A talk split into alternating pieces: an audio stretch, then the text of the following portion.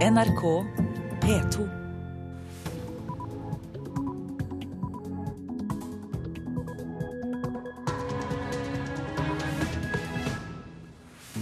Riktig god morgen og velkommen til Nyhetsmorgen tre minutter over sju. Det er den 3.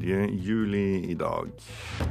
Programleder det er Tor Albert Frøsland, og vi skal starte med situasjonen i Egypts hovedstad Kairo. For der har det i løpet av natten vært harde sammenstøt mellom demonstrerende grupper. Minst 16 mennesker er drept. Samtidig øker presset mot presidenten, som har frist til i ettermiddag for å finne en løsning på den spente situasjonen. Demonstrantene holder fortsatt stand utenfor presidentpalasset i Kairo. De vet ikke om den pressede presidenten Mohammed Mursi er hjemme. Kanskje ikke. I løpet av natten har han holdt en tale på statsfjernsyn. Hvordan kan vi forsvare vår revolusjon fra å bli stjålet, spør Morsi, og kommer med en gang med sin versjon av svaret. Jeg skal forsvare revolusjonen med mitt eget liv, fordi jeg ønsker å beskytte deres liv. Demonstrantene ser ikke ut til å være spesielt imponerte. De krever hans avgang, og hæren støtter dem. I hvert fall så langt som å kreve en løsning på situasjonen innen i ettermiddag. Det setter ikke Morsi pris på. Vi bygde denne hæren med vårt eget blod, sier han. Jeg ønsker en sterk hær. Jeg vil at soldatene skal ha sin egen vilje, ha sine egne våpen og folkets støtte. Nå er ikke tiden inne for å støtte motstanderne av demokratiet, for det er en fornærmelse mot hæren. Hærens øverste ledelse har i en Facebook-melding sverget at de vil ofre sine liv for å beskytte landet mot terrorister, radikale og idioter. Det sa reporter Halvard Sandberg. Og jeg har med meg kollega Jan Espen Kruse fra Kairo. Hva vet du mer om det som har skjedd i løpet av natten? Ja, Det mest alvorlige er jo naturligvis disse sammenstøtene ved universitetet, hvor altså 16 mennesker er drept og 200 skadd. Det er veldig motstridende meldinger om hva som egentlig skjedde. Ifølge noen er det menn med våpen som har gått til angrep, skutt. Ifølge andre er det sikkerhetsstyrker som har vært innblandet. Men det ser altså ut til å ha vært sammenstøt mellom islamistiske studenter, islamistiske ungdommer og, og andre studenter som, som da støtter opposisjonen. Og i ettermiddag går hærens frist til president Morsi for å finne en løsning på problemene i Egypt ut. Hva er det vi kan regne med kommer til å skje i løpet av dagen? Ja, Situasjonen nå er jo helt, helt utrolig dramatisk. Eh, opposisjonen eh, sier jo at eh, dette at Morsi ikke vil gi seg, ikke vil gå av, det vil føre til borgerkrig. Og det vi har sett i natt kan jo bare være en forsmak på det som kommer. For dette brorskapet, altså Morsis parti, er jo veldig godt organisert.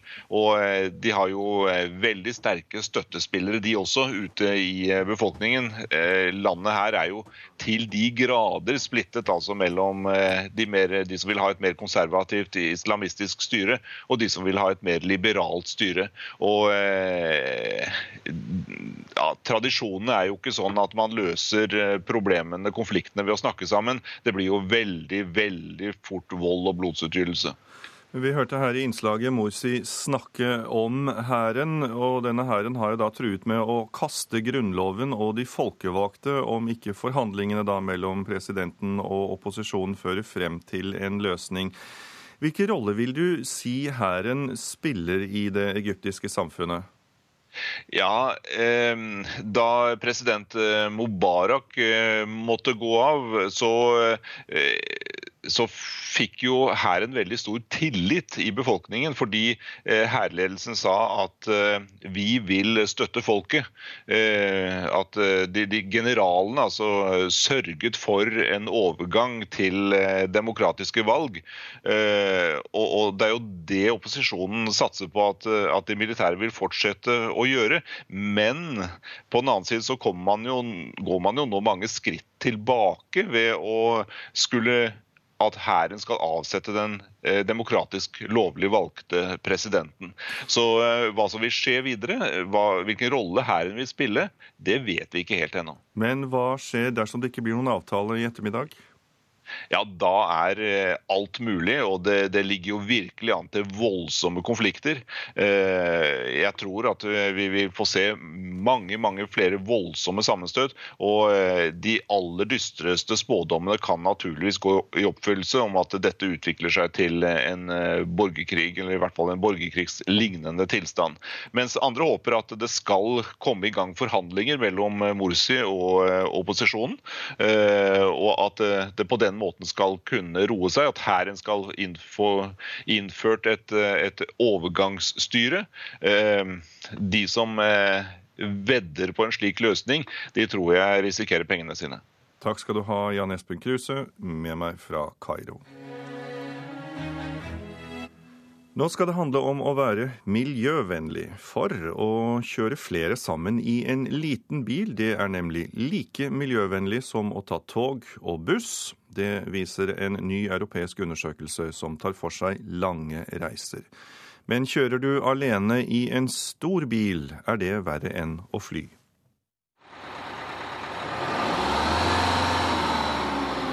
Langrutebusser trafikkerer hele Norge og Europa. Sammen med tog er de det mest miljøvennlige transporttilbudet vi har. Men nå viser beregninger fra norske og tyske forskere at de som kjører flere sammen i en energieffektiv bil, ikke trenger å ha dårlig samvittighet. Det sier Terje Berntsen fra Cicero. Hvis man fyller opp bilen eh, og har en liten og energieffektiv bil, så kommer det omtrent ut som å kjøre buss eller tog med, med gjennomsnittlig belegg som man har i, har i Europa. Et unntak her er riktignok elektriske tog i Norge, som i stor grad drives av strøm fra vannkraft, og derfor kommer aller best ut.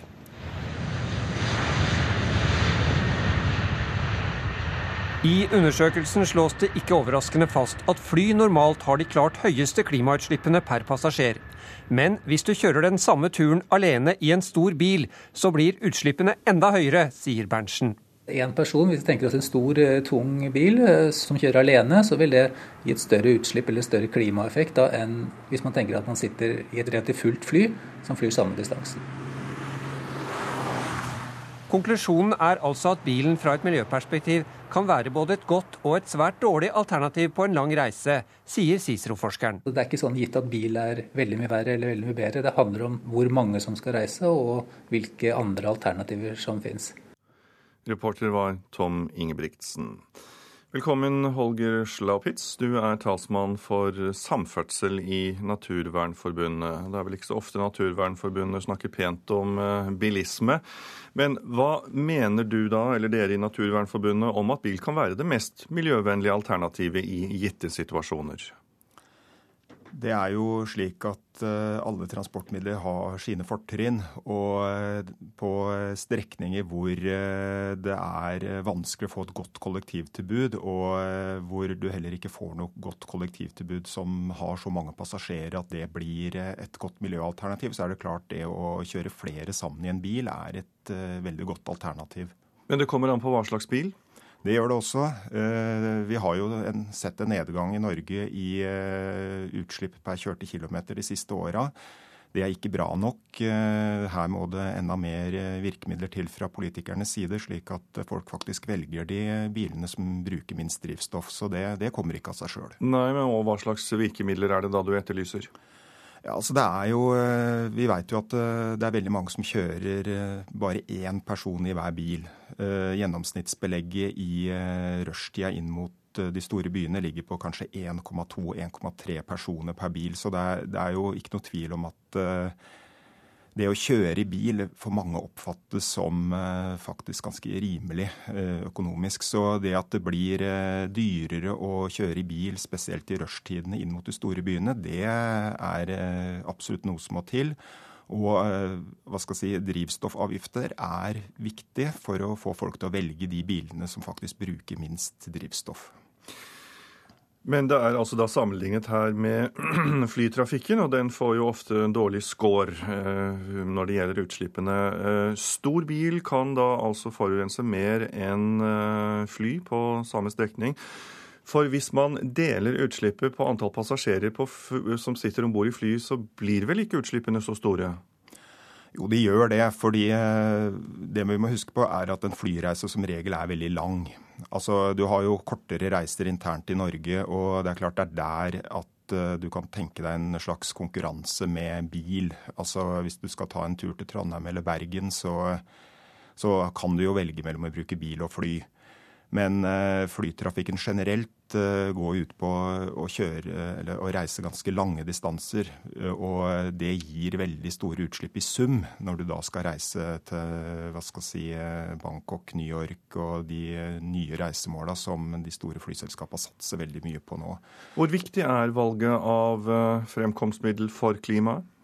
Det har mye å si, eh, men vi må huske på at eh, det er ulemper ved alle former for reising. Sånn at eh, det å basere seg på å tro at vi kan løse miljøproblemene bare ved å, ved å, tenke på andre transportmidler, det er ikke hele løsninga. Vi må også legge opp til et samfunn hvor reisebehovet blir begrensa, i form av spesielt da, rundt de store byene, hvor vi må begrense hva skal si, behovet for reising ved å plassere boliger og arbeidsplasser mer nær hverandre. Og øke avgifter. Altså vi, må, vi kommer ikke utenom at eh, det må koste å forurense. Det er et uh, viktig prinsipp for å løse både lokal luftforurensning i byene og klimagassutslipp. Takk skal du ha, Holger Slaupitz i Naturvernforbundet. Det er Nyhetsmorgen du hører på. Klokken nærmer seg 7.15, eh, og dette er hovedsaken i nyhetene i dag. Minst 16 personer ble drept i kraftig sammenstøt på Kairo-universitetet i Egypt i natt. Og som vi nettopp hørte, å kjøre en liten bil sammen er like miljøvennlig som å ta tog, viser undersøkelse. Hvis man fyller opp bilen eh, og har en liten og energieffektiv bil, så kommer det omtrent ut som å kjøre buss eller tog med, med gjennomsnittlig belegg som man har i, har i Europa. Det sa Terje Berntsen fra Cicero. Og nå straks skal du få høre at flyet til Bolivias president måtte nødlande i Østerrike i går. Årsaken skal være mistanke om at varsleren Edward Snowden var om bord. For regjeringen i Bolivia er rasende etter at flyet til presidenten måtte nødlande på vei tilbake fra Russland til Bolivia. Grunnen er som jeg sa at flyet ble nektet å fly gjennom spansk og portugisisk luftrom fordi eh, bolivianske myndigheter er overbevist om at årsaken er mistanken om at spionsiktede Edward Snowden var om bord i flyet. Queremos decir al mundo que el presidente Evo Morales nuestro presidente Evo, hoy por hoy está secuestrado en Europa.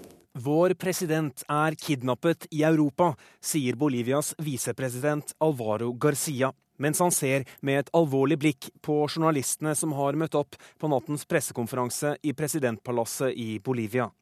Grunnen er president Evo Morales' uventede landing i Wien i Østerrike i natt, etter å ha besøkt Vladimir Putin i Russland. Bolivia har som et av svært få land varslet at de vil vurdere å gi Snowden asyl.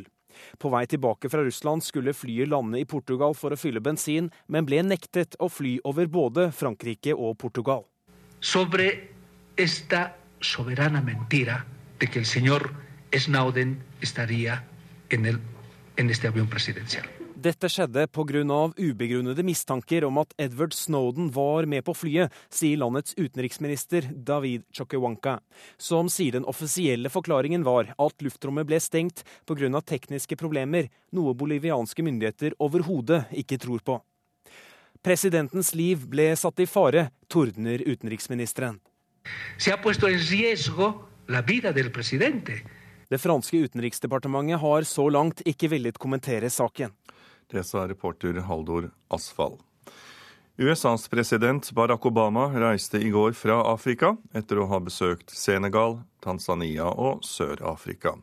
Presidentens mål med reisen var å bidra til økt handel mellom USA og Afrika, men det var helt andre tema presidenten endte opp med å snakke om under hans første lange Afrikaturné. Endelig var han kommet. Det skulle ta fem år før selveste Barack Obama la ut på ei lengre rundreise på farens kontinent. Men det var spesielle rammer rundt besøket. En sengeliggende Mandela og en Edward Snowden på flukt tok det meste av oppmerksomhet og overskrifter. Men for de som fulgte godt med, så hadde Obama et tydelig budskap med seg på reisa. I want to make sure we're doing everything we can to encourage the new growth we're seeing across Africa and more trade between our countries. Jeg vil forsikre meg om at vi gjør alt vi kan for å bidra til vekster vi ser her i Afrika, og mer handel mellom landene våre, sa Obama til tanzanianerne, og oppsummerte med det budskapen han har til hele Afrika. For presidenten har ikke lagt skjul på at hans frie ferd til Afrika har vært for å øke handelen med det framvoksende kontinentet. Men det var ikke bare til businessmennene han hadde en beskjed å gi. Framtida til dette kontinentet er i deres hender, sa Obama flere ganger til de mange unge afrikanerne som lånte ørene sine til det presidenten hadde å si. Sett bort fra noen demonstrasjonstog i Sør-Afrika ble den amerikanske presidenten tatt vel imot dit han reiste. Men da han avslutta turen i Tanzania, satt et helt naboland og kjente seg oversett av presidenten, som jo egentlig er halvt kenyansk. This, uh, this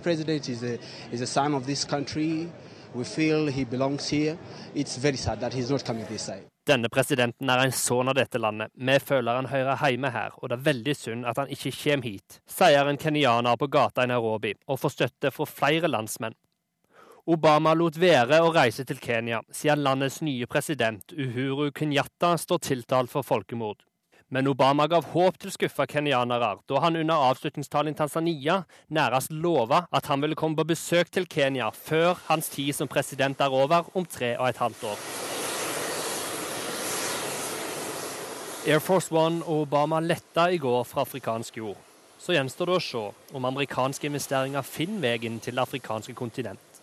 For konkurransen den hardner til med et Kina som for lengst har planta beina på afrikansk jord. Reporter var Vegard Kjørholm. Vi skifter tema her i Nyhetsmorgen, for i dag er det 25 år siden ni år gamle Therese Johannessen forsvant fra Fjell i Drammen. Det vil også si at ved midnatt så blir straffesaken foreldet, og en eventuell drapsmann kan melde seg uten å risikere straff. Vi har tatt et tilbakeblikk på det som har blitt betegnet som en av de største forsvinningsgåtene her i landet. 3.7.1988 forsvant Therese Johannessen i området rundt blokka si på Fjell. På kort tid ble bydelen snudd på hodet med letemannskaper, politi, helikoptre og etterforskere. Skogen ble finkjemmet og alle naboer i blokka ble avhørt, men etter ett år med intens etterforskning sto politiet fortsatt uten spor. Først i 1996 tok saken en ny vending da Sture Bergwall, bedre kjent som Thomas Quick, sa at han hadde bortført og drept Therese. På ny satte Drammenspolitiet i gang en stor etterforskning, der de bl.a. fant det de mente var beinrester fra Therese i en skog i Østfold. Med beinrestene som sterkeste bevis ble Thomas Quick i 1998 dømt for drapet på Therese. Men ti år senere trekker Quick tilståelsen sin Beinrestene viser seg å være trebiter, og i mars i fjor ble han erklært ikke skyldig av svensk påtalemyndighet. En gruppe med bistandsadvokaten til Thereses mor i spissen påpeker flere mangler i politiets etterforskning. Men heller ikke dette fører noen vei når politiet undersøker nærmere. Om få timer renner tiden ut. Ved midnatt går en eventuell gjerningsmann fri. Det sa reporter Benedikte Fjelli. God morgen, Fridtjof Feit. Du er bistandsadvokat for Thereses mor. Det er 25 år i dag. Ikke akkurat et jubileum, vil jeg tro? Nei, iallfall et usedvanlig trist jubileum. Eh, Thereses etterlatte de møter dagen med både sinne og sorg. Sorg selvfølgelig fordi man etter 25 år ikke aner hva som har skjedd med Therese og sinne fordi ikke justisministeren vil gå med på å behandle denne saken for å oppheve 25 års eh, foreldelsesgrense. Ja, for Du har argumentert eh, for å oppheve foreldelsesfrister i drapssaker. Men kan det ikke også være greit å kunne sette et punktum?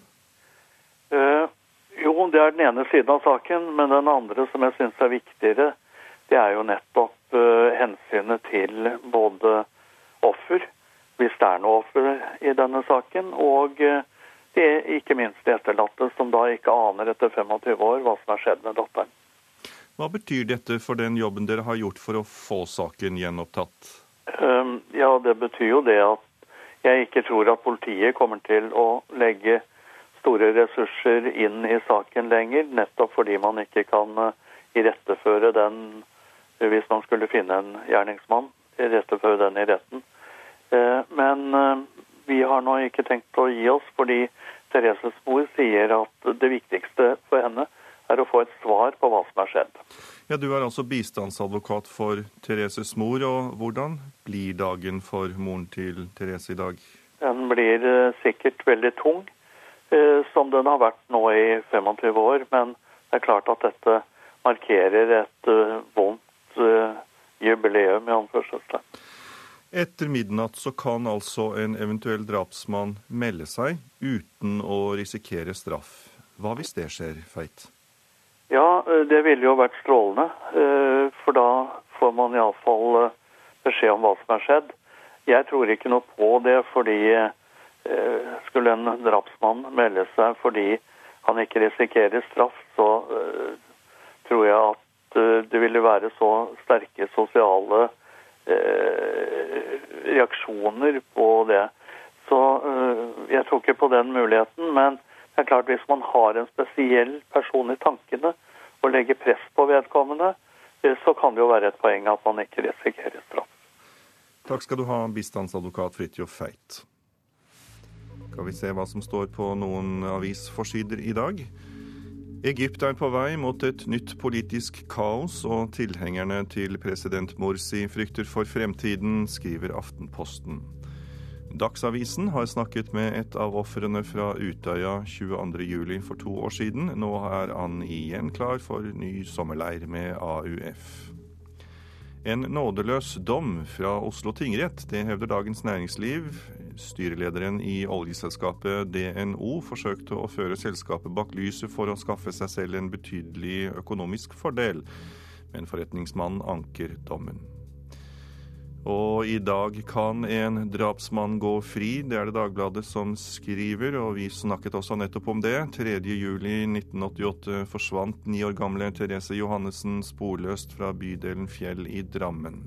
Siden da har ingen sett henne, og i dag går foreldelsesfristen på saken ut. VG hevder at flere vil være sexy som 60, og forteller oss hvorfor godt voksne vil fikse på utseendet. En ny blodprøve kan føre til at mange barn med Downs syndrom blir abortert. Statsviter Aksel Brånen Sterri sier til Vårt Land at dette er uproblematisk. Rovdyr tar flere sau og rein, skriver Nasjonen. 1311 beitedyr er dokumentert tatt av rovdyr første halvår i år. USAs president Barack Obama er ikke redd for maktesløse varslere som meg. Han frykter dere, en befolkning som er sint og informert. Det sier varsleren Edward Snowden, som mener at Obama har gjort ham både statsløs og rettsløs, skriver Klassekampen. Fedrelandsvennen skriver om sommeridyll på brygga i Kristiansand. Kombinasjonen konsert, utepils, sol og gode venner er en vinner for trivselsfaktoren.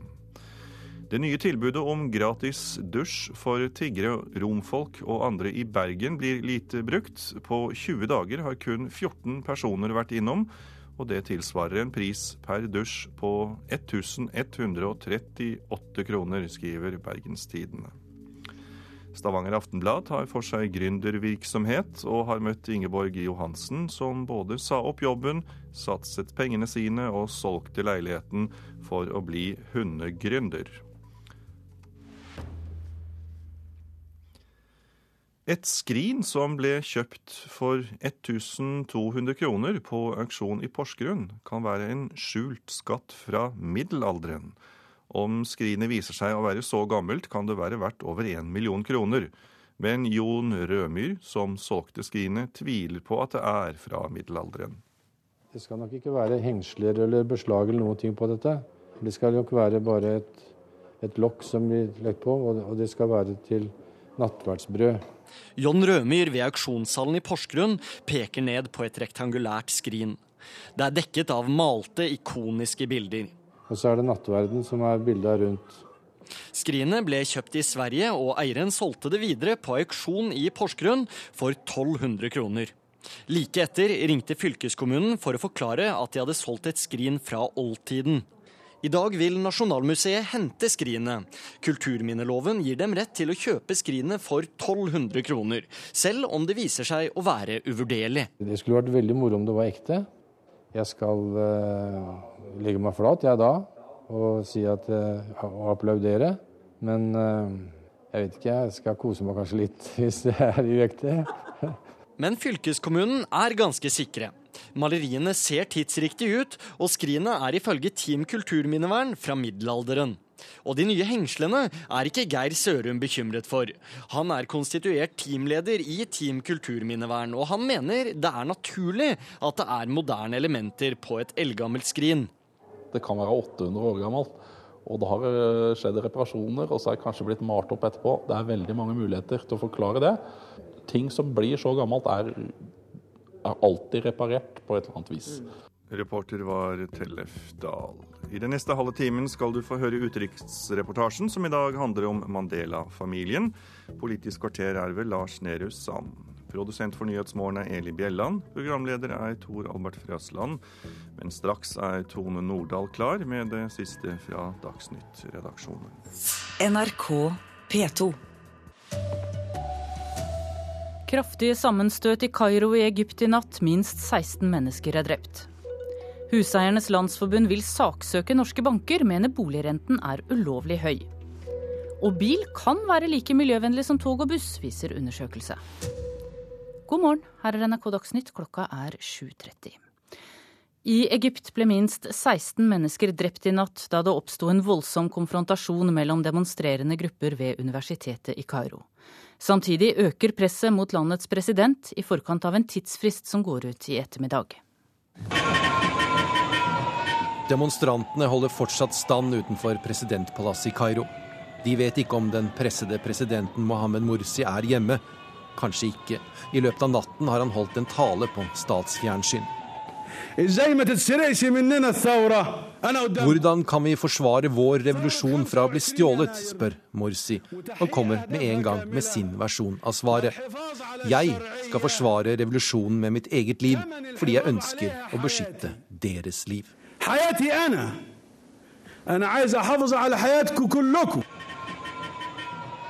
Hærens øverste ledelse har i en Facebook-melding sverget at de vil ofre sine liv for å beskytte landet mot terrorister, radikale og idioter.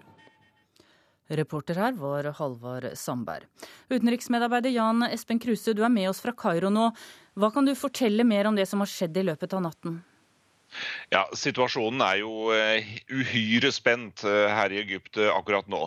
Det at president Morsi nekter å gå av, har jo ført til en helt ny situasjon. og Disse sammenstøtene på universitetet er jo også uhyre dramatiske. Men de kan jo bare være en forsmak på det som ligger foran. I ettermiddag så går jo dette ultimatumet fra hæren ut, og det er helt åpent hva som vil skje da. Ja, Hva kan skje hvis eh, de ikke finner en løsning på problemene innen den eh, fristen i ettermiddag? Ja, Det hagler jo med påstander fra begge sider om eh, kupp og om faren for borgerkrig. Og dette landet er jo splittet til de grader mellom folk som vil ha en mer konservativ islamistisk politikk, og de som vil ha en mer liberal politikk. Og de er jo veldig raske til å ty til vold, det så vi jo i natt. Hva kan, kan situasjonen i, i Kairo nå komme helt uh, av kontroll? Ja, i, i høy grad. Det, altså, eh, Sinnet er så satt i kok nå. Det skal så lite til. Vi så jo denne kolossale demonstrasjonen eh, på Tahrir-plassen sent i går kveld og utover natta. Og, og, situasjonen er fullstendig uklar. Interessene så sterke mot hverandre, og det er ingen vilje til kompromiss, det ser vi. Takk skal du ha, Jan Espen Kruse, med oss fra Kairo. Regjeringen i Bolivia er rasende etter at flyet til president Evo Morales ble tvunget til å lande i Østerrike sent i går kveld. Flyet ble nektet å fly gjennom spansk og portugisisk luftrom, og bolivianske myndigheter er overbevist om at årsaken til det er mistanker om at spionsiktede Edvard Snowden var om bord i flyet. Queremos decir al mundo que el presidente Evo Morales, nuestro presidente Evo, hoy por hoy está secuestrado en Europa. Vår president er kidnappet i Europa, sier Bolivias visepresident Alvaro Garcia, mens han ser med et alvorlig blikk på journalistene som har møtt opp på nattens pressekonferanse i presidentpalasset i Bolivia. Grunnen er president Evo Morales' uventede landing i Wien i Østerrike i natt, etter å ha besøkt Vladimir Putin i Russland. Bolivia har som et av svært få land varslet at de vil vurdere å gi Snowden asyl. På vei tilbake fra Russland skulle flyet lande i Portugal for å fylle bensin, men ble nektet å fly over både Frankrike og Portugal. Sobre esta soberana mentira de que el señor Snowden estaría en, el, en este avión presidencial. Dette skjedde pga. ubegrunnede mistanker om at Edward Snowden var med på flyet, sier landets utenriksminister David Chokewanka, som sier den offisielle forklaringen var at luftrommet ble stengt pga. tekniske problemer, noe bolivianske myndigheter overhodet ikke tror på. Presidentens liv ble satt i fare, tordner utenriksministeren. Det franske utenriksdepartementet har så langt ikke villet kommentere saken. Det sa reporter Haldor Asvald. Huseiernes Landsforbund inviterer alle landets lånetakere til et enestående søksmål mot landets største banker. I vår økte bankene boligrenten med 0,3 prosentpoeng, og Huseiernes Landsforbund mener renteøkningen er ulovlig. Men dette er bare tull, mener redaktør Trygve Hegnar. Altså jeg altså jeg syns dette er lekebutikk at Huseiernes Landsforbund ved Batta leker. Eh, man må være klar over at vi i Norge nå har et veldig lavt rentenivå for boliglån. Det er vel det man snakker om. Altså, hvem som helst omtrent kan skaffe seg boliglån på rundt 3,5 eh, rente. Man har skattefradrag for rentene i Norge, og man har en inflasjon på en, kanskje 1-1,5 slik at eh, realrenten i Norge for de som får ønsker boliglån, den er rundt 1 Det er historisk lav rente i Norge. Og Hvis man da skal saksøke bankene for at de setter renten marginalt opp, så er dette min mening bare lek. Det er bare tøv. Huseiernes Landsforbund inviterer alle sine medlemmer og alle landets boliglånskunder til å bli med i et gruppesøksmål mot Norges største banker. Et av målene er Norges største bank. Men i dag har ikke informasjonssjef Thomas Midteide i DNB behov for å kommentere det varslede søksmålet. Det skriver han i en SMS til VG. Lederen i Huseiernes Landsforbund, Peter Batta, mener bankene ulovlig har satt opp renten i vår, anført av DNB. Men bankene gjør naturligvis som de vil, sier investor og redaktør Trygve Hegnar. Det høres helt merkelig ut. Det er noe av det rareste jeg har hørt på mange år. Altså Hvis man skal saksøke bankene fordi at de setter opp renten slik de ønsker å gjøre det, så er det et søksmål som etter min mening aldri vil føre frem Bankene i Norge er uavhengige egne rettssubjekter, og de kan gjøre akkurat hva de vil med renten. De kan begrunne det akkurat som de vil. Trygve Hegnar ble intervjuet av Hedvig Bjørgum.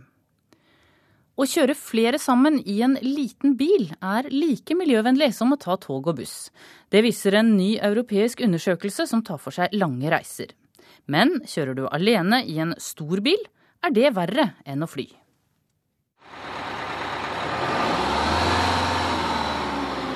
Langrutebusser trafikkerer hele Norge og Europa. Sammen med tog er de det mest miljøvennlige transporttilbudet vi har. Men nå viser beregninger fra norske og tyske forskere at de som kjører flere sammen i en energieffektiv bil, ikke trenger å ha dårlig samvittighet. Det sier Terje Berntsen fra Cicero. Hvis man fyller opp bilen eh, og har en liten og energieffektiv bil, så kommer det omtrent ut som å kjøre buss eller tog med, med gjennomsnittlig belegg som man har i, har i Europa. Et unntak her er riktignok elektriske tog i Norge, som i stor grad drives av strøm fra vannkraft, og derfor kommer aller best ut.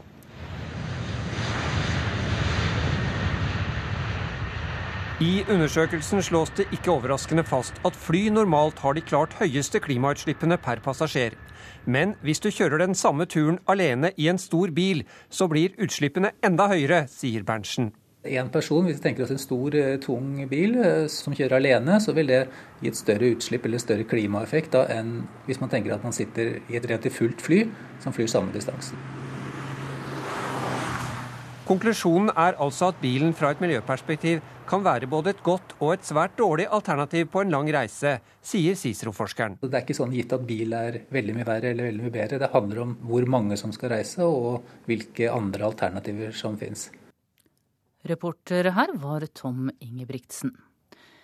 Den eller de som bortførte ni år gamle Therese Johannessen fra Fjell i Drammen 3.7.1988, slipper straff. I kveld er saken foreldet, og politiet sier de ikke har noen mistenkte, og at de derfor trolig ikke vil pågripe noen før fristen går ut i kveld. Landslagstrener Thorir Heigersson er en av fem nominerte til prisen som årets trener i kvinnehåndball. Og han sier at en slik nominasjon motiverer til videre innsats. Det er jo kjekt at det vi gjør i kvinnelandslaget blir lagt merke til. Torir Heigersson er en av fem nominerte til prisen Årets trener i kvinnehåndball. Og landslagstreneren setter pris på nominasjonen jeg blir motivert av uh, å få ros. Og det er jo helt klart en, en anerkjennelse for arbeidet i kvinnelandslaget i håndball over lang tid. Det er ikke bare meg, men det er et stort team som står bak. Heigersson vant prisen i fjor, men tenker ikke så mye på om han kommer til å vinne den i år også. Mest opptatt av det som kommer fremover. Jeg, jeg er litt sånn, sånn at uh, det viktigste jobben og viktigste oppgavene, det er de du skal ut i i tiden fremover. Det som er gjort, det er er historie. Reporter her var Emil Gukild. Ansvarlig for Dagsnytt-sendingene denne morgenen er Rolf Johansen. Det tekniske ansvaret har Hanne Lunås. I studio Tone Nordahl. Og her i Nyhetsmorgen skal vi til en litt spesiell situasjon i Sør-Afrika. På sykehuset i Pretoria ligger Nelson Mandela alvorlig syk på det 25. døgnet. Fortsatt er situasjonen kritisk, men stabil. Men utenfor sykehuset så slåss familien om penger og om gravsted. Det er to år siden nå. Mandla Mandela tok med seg noen karer og satte spaden i jorda like bortenfor bestefars hus i Kunu. Graset sto høyt, ingen har stelt. Hva graver Mandla etter? Når jobben er gjort, står han med fem plastsekker som inneholder fem lik. Her er beinrestene etter Tembo, Nelson Mandelas første sønn som døde i en trafikkulykke i 1996. Her er beina etter Makasive, som døde før hun fylte ett år. Og Makato Mandela, som døde av aids i 2005, det er Mandlas egen far.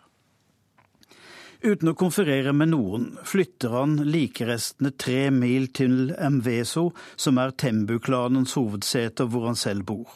Mandla er høvdingen i dette området, han trodde han kunne gjøre som han ville.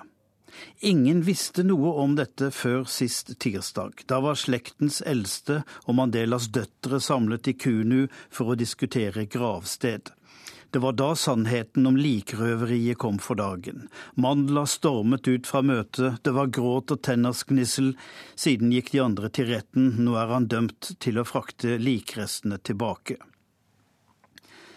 Mandela-familien er det nærmeste du kommer kongelige i Sør-Afrika, men det er ingen lykkelig familie, full som den er av splittelse, rivalisering, skandaler og rettssaker.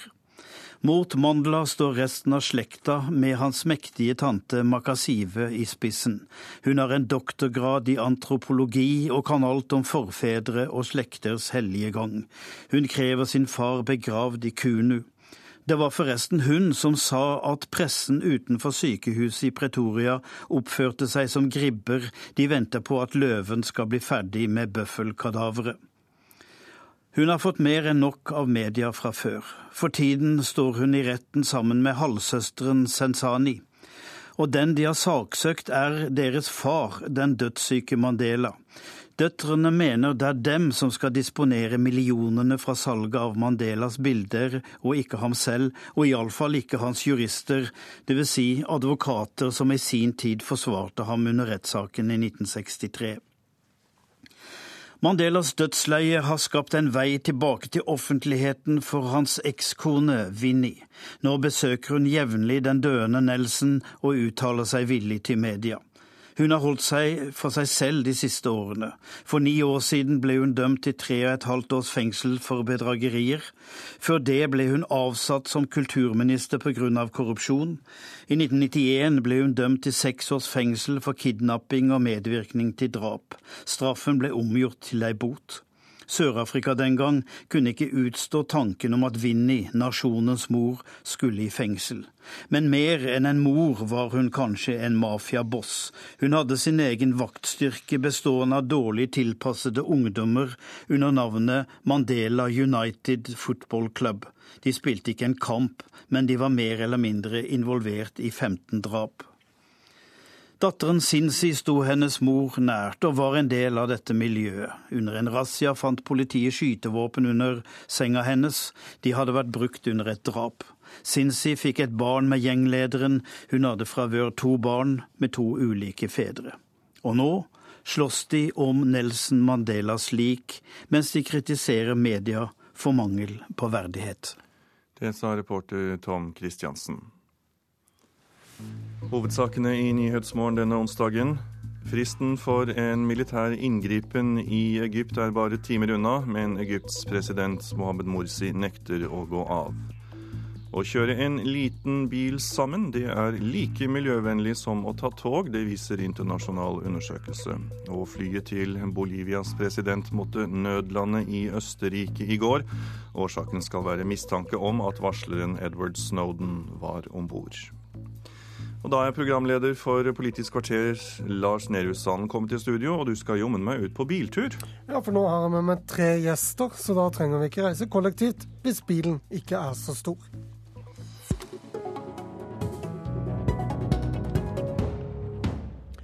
For som vi har hørt, bilkjøring er ikke nødvendigvis klimafiendtlig dersom bilen er liten og passasjerantallet større enn én. Det har vi hørt i Dagsnytt og Nyhetsmorgen i dag, men det er jo ikke det som har vært refrenget i klimadebatten. Rebekka Borch, du er førstekandidat for Buskerud Venstre. Hvordan bør dette påvirke debatten om klimatiltak på veien? Altså, jeg er veldig glad for den studien, for den, øh, den nyanserer bildet litt. Og ikke minst viser den hvor klimafiendtlige de største bilene er. Det syns jeg er viktig å få med her. Øh, når det gjelder det med kollektivtransport versus vei, øh, så går det fint an å se litt mer på muligheter til at flere tar bil sammen. I mitt gamle hjemland Tyskland finnes f.eks. sånne passasjersentraler hvor folk med og uten bil kan finne hverandre og kjøre sammen. Så det kan man helt sikkert se på. Men det er jo et faktum at veldig få kjører sammen når de pendler til jobb. Uh, og det blir sikkert vanskelig å få mange nok over til at det gir en effekt. Uh, så det at vi bygger ut kollektivinfrastrukturen storstilt, det kommer vi uansett ikke utenom. Ikke minst med tanke på den befolkningsveksten vi har rundt hele Østlandet. Ja, du er med oss fra studio i Drammen. Hvilke tiltak vil du gjennomføre, eller dere i Venstre gjennomføre på norske veier etter valget for å stimulere til mer kompiskjøring eller bildeling? Nei, altså Hvorvidt man uh, kan gi f.eks. skattefordel eller andre ting når folk melder seg på i et kollektivkjøringssentral f.eks., det kan vi se på. Men Venstres viktigste tiltak er jo at vi skal legge om skatt- og avgiftssystemet slik at det blir billigere å kjøpe miljøvennlige produkter. det blir billigere med tanke på skatt på arbeid, men så skal vi gjøre det dyrere å kjøpe de mest forurensende ting, f.eks. veldig store biler. Det skal bli dyrere, mens småbiler og Eh, elbiler det skal bli billigere å, å kjøpe. Ketil Solvik-Olsen, nestleder i Frp, stiller det samme spørsmålet til deg. Hvordan bør dette påvirke debatten om klimatiltak på veiene? Jeg er veldig glad for en sånn rapport, fordi det viser at du òg må tenke litt eh, kostnader og nytteverdier. Nå har vi bare sett på hvor store eller hvor små utslippskutt kan du få uten å tenke på kostnader. Det har gjort at en har prioritert skattebetalerne sine penger eh, på en helt urimelig måte. Du har gjennomført veldig kostbare ting med liten verdi eller du har medført reguleringer som gir direkte kostnader. Eh, men en sånn studie den, den, viser jo et perspektiv, men samtidig er det jo sånn at selvsagt har du eksisterende kollektivtrafikk med ledig kapasitet, så vil det jo alltid være mer fornuftig om du bruker det som allerede går, enn at du legger til noen småbiler på veien. Men så er det òg at tid er penger, tid er fritid eh, og tid er arbeid. Sånn at folk flest velger jo den løsning som totalt sett er mest effektiv for deres hverdag. Hvis buss, T-bane, tog dekker dine behov, så er det som regel mest fornuftig. Da kan du også sitte og surfe på iPaden din og gjøre fornuftige ting. Mm. Det kan du ikke gjøre mens du kjører bil. Men for mange så vil det å velge kollektivløsninger gjerne medføre at du bruker mer tid, veldig mye mer tid. Og da vil ikke folk gjøre det. Men- det, det å stimulere til at folk faktisk kjører sammen, sånn at du fyller opp flere biler, det kan du jo gjøre ved å f.eks. gjøre innfartsparkering mer attraktivt. At du Mm. bygger på store parkeringsplasser ved innfartsstedene til de store byene. Det har skjedd i altfor liten grad. Eller at du åpner for å kunne kjøre i kollektivfelt hvis du er to eller tre folk i Ja, og. Det skjer jo mange steder. Men det er jo uansett sånn at eh, for å få biler vekk fra veien, og for å få mindre kø, så kan jo både bompenger, rushtidsavgift og kollektivsatsing eh, være viktige tiltak. Og det vil ikke dere i Frp? Jo, altså Vi har sagt at den løsningen vi tror best, er å gi eh, skattefritak for eh, kollektivkort betalt av arbeidsgiver. For det er jo nettopp de personene som reiser i rushtiden, som, som må på jobb. Eh, og Vi har stilt spørsmål til regjeringen hva tror en effekten vil være av det. og Deres beregninger tilsier at 175 000 av dagens bilister da ville begynt å reise kollektivt. Mm. Det er jo en formidabel resultat. Men når vi fremmer Men det Men det finnes vel ikke togsett til de 175 000? Nei, men, men det som er det interessante regnestykket, det er at hvis du da får 175 000 av dagens bilister til å begynne å kjøre kollektivt, så må jo de kjøpe månedskort. Dette ville tilført kollektivtrafikken i Norge over 2 milliarder kroner i friske penger. Da kunne de kjøpt den kapasiteten. Og dette er jo et tiltak som nytter nøyaktig der køene er store. Men når vi fremmer forslag om det i Stortinget, så var det kun Venstre som støttet støtta oss. Alle de andre partiene som lovte det i valgkampen i 2009, de stemte imot. For da er det plutselig en sånn skattelettegreie, og da vet vi hvor Stoltenberg oppfører seg. Marius Holm, du er leder for miljøstiftelsen Zero. Hva bør politikerne gjøre for å få oss til å kjøre bil sammen, hvis vi ikke skal kjøre kollektivt? da? Jeg tror det er eh, vesentlig viktigere at politikerne sørger for at vi velger miljøvennlige biler. Eh, Det å kjøre sammen er et eh, bra alternativ. Noen steder fungerer det fint at man kan ha sånn kompisfelt der hvor bussen kjører. Men hvis vi ser på hvordan vi skal løse klimautfordringen i transportsektoren, så er det eh, viktig at vi først og fremst ser på hva slags biler vi har på veien. Eh, kollektivtransporten er jo viktig for å løse trafikkproblemer i byene, men har eh, vesentlig mindre å bidra med når det gjelder å kutte klimagassutslipp. Det må først og fremst ses på som et eh, tiltak for god trafikk og god eh, livskvalitet i byområdene. Når vi kommer ut, eh, ut av Oslo og ut av de andre store byene, så eh, er kollektivtrafelt ikke noe vesentlig klimatiltak. Der er det bilen som er eh, transportmiddelet som funker. Eh, og Det betyr at hvis vi skal klare å løse klimautfordringene i transportsektoren, så må vi sørge for at folk velger nullutslippsbiler eller biler med veldig lave utslipp. Eh, og det er, det er nok ikke riktig det som sies at det er det er ikke nok eh, at man kjører en liten bil, og at man noen ganger har med seg en kollega i bilen eller nabo i bilen. Det, det løser faktisk ikke klimaproblemet. Det som betyr noe, er at vi får faset inn nullutslippsbiler, sånn som elbiler, plug-in hybrider og hydrogenbiler. Så hvis du hadde hatt en milliard kroner og skulle bruke på dette, så ville du ikke bygd dobbeltspor eller satt inn hyppigere bussavganger. Du ville brukt det på å avgiftsstimulere, sånn at folk kjøper andre biler enn de gjør nå. Det er viktig å sortere hva man er ute etter å oppnå. Eh, Hvis man skal få byene til å fungere, så må man investere i kollektivtransport. Hvis vi skal uh, kutte utslipp, uh, så må vi først og fremst se på bilparken. Begge deler er nødvendig for samfunnet. Uh, så det er ikke det er ikke naturlig å sette de tiltakene opp mot hverandre. Mm. Bilen har kommet for å bli. Eh, Hvis vi ser på hvor mye persontransportarbeid vi gjør i Norge, så står bilen for mange ganger flere enn alle kollektivløsningene til sammen. Så det betyr at selv om vi, om vi så tredoblet togkapasiteten i Norge, så ville fortsatt bilen dominere totalt. Og det betyr eh, vi må erstatte bilparken med mer miljøvennlige biler. Og heldigvis så finnes jo det nå. Nissan Leaf, en elbil, var jo Norges nest mest solgte bil i april. Og vi ser det kommer nå elbiler og plug-in hybrider, altså hybridbiler som kan kjøre noen mil på batteri før, de, før bensinmotoren tar over. De fosser inn på markedet nå, og nordmenn eh, ser ut til å være ganske klare for å ta det i bruk. Og det funker. Hvor kraftig, for Mange av disse bilmerkene som er blitt nevnt, er jo ganske dyre hvis man skal kjøpe det i butikk i dag. Hvor kraftig avgiftsomlegging vil dere gå inn for, Borch? Nei, altså, Nå har ikke jeg tallfestet det på den enkelte, enkelte bilmerket, men vi vil legge om kraftig. Altså, Det skal være en stor forskjell om du kjøper eh, nullutslippsbil eller en bil med veldig lave utslipp, eller om du kjøper, en sånn svær SUV-bil. Eh, det må være en mye større forskjell enn det er i dag, sånn at folk eh, får aktive valg. At de ikke bare går på hvordan bilen ser ut eller hvor raskt den kan kjøre, men virkelig hva den koster i avgift. Eh, det må til. Eh, og... ehm, så tenker jeg at man må tenke veldig bredt når det gjelder det med de beste tiltakene. Altså Det holder ikke at vi bare bygger ut kollektiv, eller at vi bare bygger ut et kollektivfelt eller spor på veiene. Vi må gjøre ganske mange ting samtidig for å oppnå et resultat. Det er viktig her. Hvor enig vil dere klare å bli med Frp om denne type tiltak? Nei, altså Mitt inntrykk er jo at vi er, vi er enige om ganske mange ting allerede. Altså Vi var jo, uh, som Kjetil Solvik-Olsen sa, uh, de eneste to partiene som ville innføre dette med skattefritt uh, månedskort. det er et lite, men viktig tiltak. Og vi, jeg tror når det gjelder tiltakssiden, så er vi enige om ganske mange ting. For å stimulere folk til å ta andre valg enn de gjør i dag, men også gi dem den valgfriheten. Det er jo i praksis sånn at de fleste i dag ikke har et reelt valg når det gjelder hvordan de kommer seg til jobb. Solvik-Olsen, avgiftsomleggingen er viktig service. Solve, nei, Zero sier her. Hva, hva sier du til det? Altså, jeg blir veldig glad når jeg hører Zero. Det er, det er absolutt en stemme en bør lytte mer til i denne miljø- og klimadebatten. fordi at ofte i Stortinget og i paneldebatter som jeg går rundt på i landet, så blir eh, klimadebatten veldig ensidig. Der alt som kan bidra til å redusere et gram CO2, det skal du gjennomføre uansett hva det koster, uansett hva nytteverdi det har. Nå får vi endelig en mye mer nyansert debatt, der vi gjerne kan klare å få til de tiltakene som faktisk gir eh, store kutt i CO2, men som òg løser andre utfordringer i samfunnet, uten at vi bruker for mye tid på marginale ting som, som ikke har betydning. Det som skjer på, på bilsida altså det, det, er jo ikke pga. Norge at en utvikler elbiler, men Norge har et skattesystem som gjør at det er mye mer attraktivt å ta det i bruk i dette landet.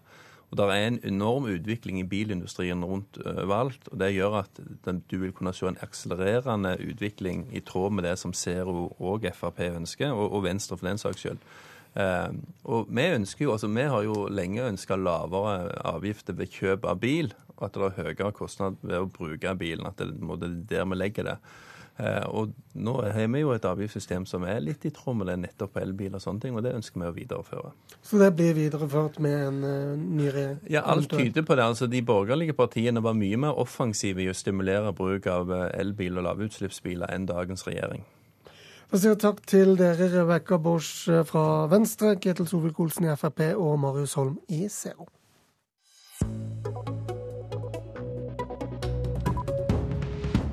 Andreas eh, er en tøffing som tør å stå i kontroversielle debatter, som ikke er redd for å røske litt opp eh, hos oss sjøl heller, utfordre meg og andre.